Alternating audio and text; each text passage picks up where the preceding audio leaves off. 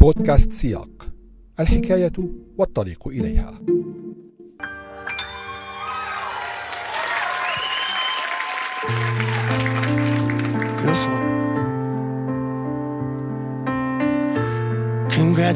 Congratulations to Rex Tillerson on being sworn in as our new Secretary of State. Yeah, yeah, son. A star. Ah. And nine months later,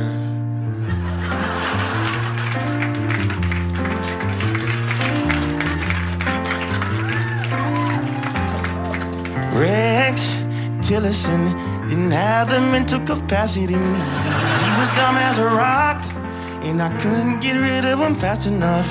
He was lazy as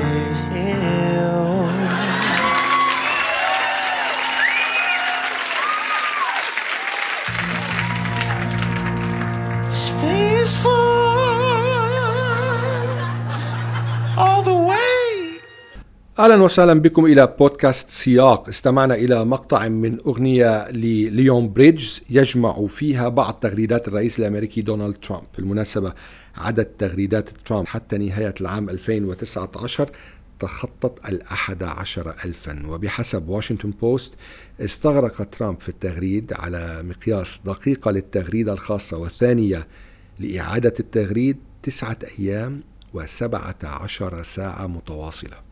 الكثير من الوقت. ترامب لديه أوقات خاصة وأماكن خاصة أيضا لإرسال تغريداته. بعضها خلال مشاهدة التلفاز تحديدا قناة فوكس نيوز وبعضها الآخر. وطبعا هذا غير موثق وربما جزء من الحملة عليه خلال وجوده في الحمام صباحا. والبعض حاول تأكيد هذه الرواية من خلال هذا التصريح للرئيس. you turn the faucet on in areas where there's tremendous amounts of water, where the water rushes out to sea because you could never handle it, and you don't get any water. You turn on the faucet, you don't get any water. They take a shower and water comes dripping out, just dripping out, very quietly dripping out. People are flushing toilets 10 times, 15 times, as opposed to once.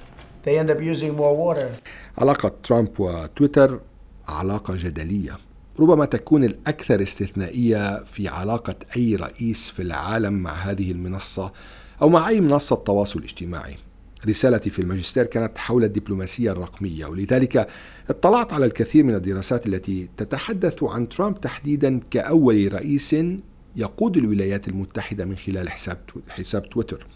هناك كتاب بعنوان The Twitter Presidency وأيضا حول هذا الموضوع صدرت العديد من الدراسات وتحديدا عن ميل الرئيس الامريكي للتغريد السلبي ولما لهذا الأمر من أثر على جذب الجمهور. طبعا هناك دراسات أيضا تضع سياقا واضحا لسبب هذا الجذب وكيف أن الناس تتعاطى مع التغريدات ذات الاتجاه السلبي بشكل مختلف وأكثر من تلك الإيجابية. بالعودة إلى الأحداث التي وقعت في الأيام السابقة ترامب قرر إصدار أمر يستهدف شركات وسائل التواصل الاجتماعي بعد أيام من وصف تويتر اثنتين من تغريداته بأنها مضللة كان يتحدث عن الانتخابات وعن تزوير الانتخابات تحديدا بعد الاقتراع عن طريق البريد. وبحسب الخبر المنشور على موقع سي إن إن العربية فإن ترامب متحدثا من المكتب البيضاوي وقبل التوقيع على الأمر التنفيذي قال إن الخطوة تأتي للدفاع عن حرية التعبير من قبل واحدة من أشد الأخطار التي تم مواجهتها في التاريخ الأمريكي ويتحدث هنا ويقصد ال social media أو التواصل الاجتماعي. وعلق كانت لديهم سلطة لا رادعة لها لتوجيه الرقابة على أي شكل من أشكال التواصل بين المواطنين العاديين أو الجمهور العام أو لتقييده أو تعديله أو تشكيله أو إخفائه. لم يسبق في تاريخ الولايات المتحدة أن تحكمت بضع شركات في هذا الكم الهائل من المحادثات بين البشر. ولا يمكننا السماح بذلك خاصة أن ما يقومون به غير صحيح ولديهم وجهة نظر. طبعا هذه كانت تعليقات الرئيس الأمريكي دونالد ترامب.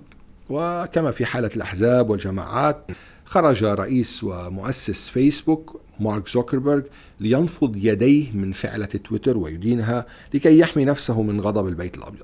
لكن تويتر لم تتراجع. ولم تتوانى عن ضرب ترامب مجددا تحت الحزام وبشكل أقوى بعد تغريدته التي جاءت في اعقاب أحداث مينابوليس التي حصلت بعد مقتل رجل أسود. فكتب ترامب عندما تبدأ عمليات السطو يبدأ إطلاق النار. شكرا. أولت تويتر هذه التغريدة على أنها تحريض على العنف لذلك قامت بوضع إشارة تمجيد للعنف عليها دون إزالتها.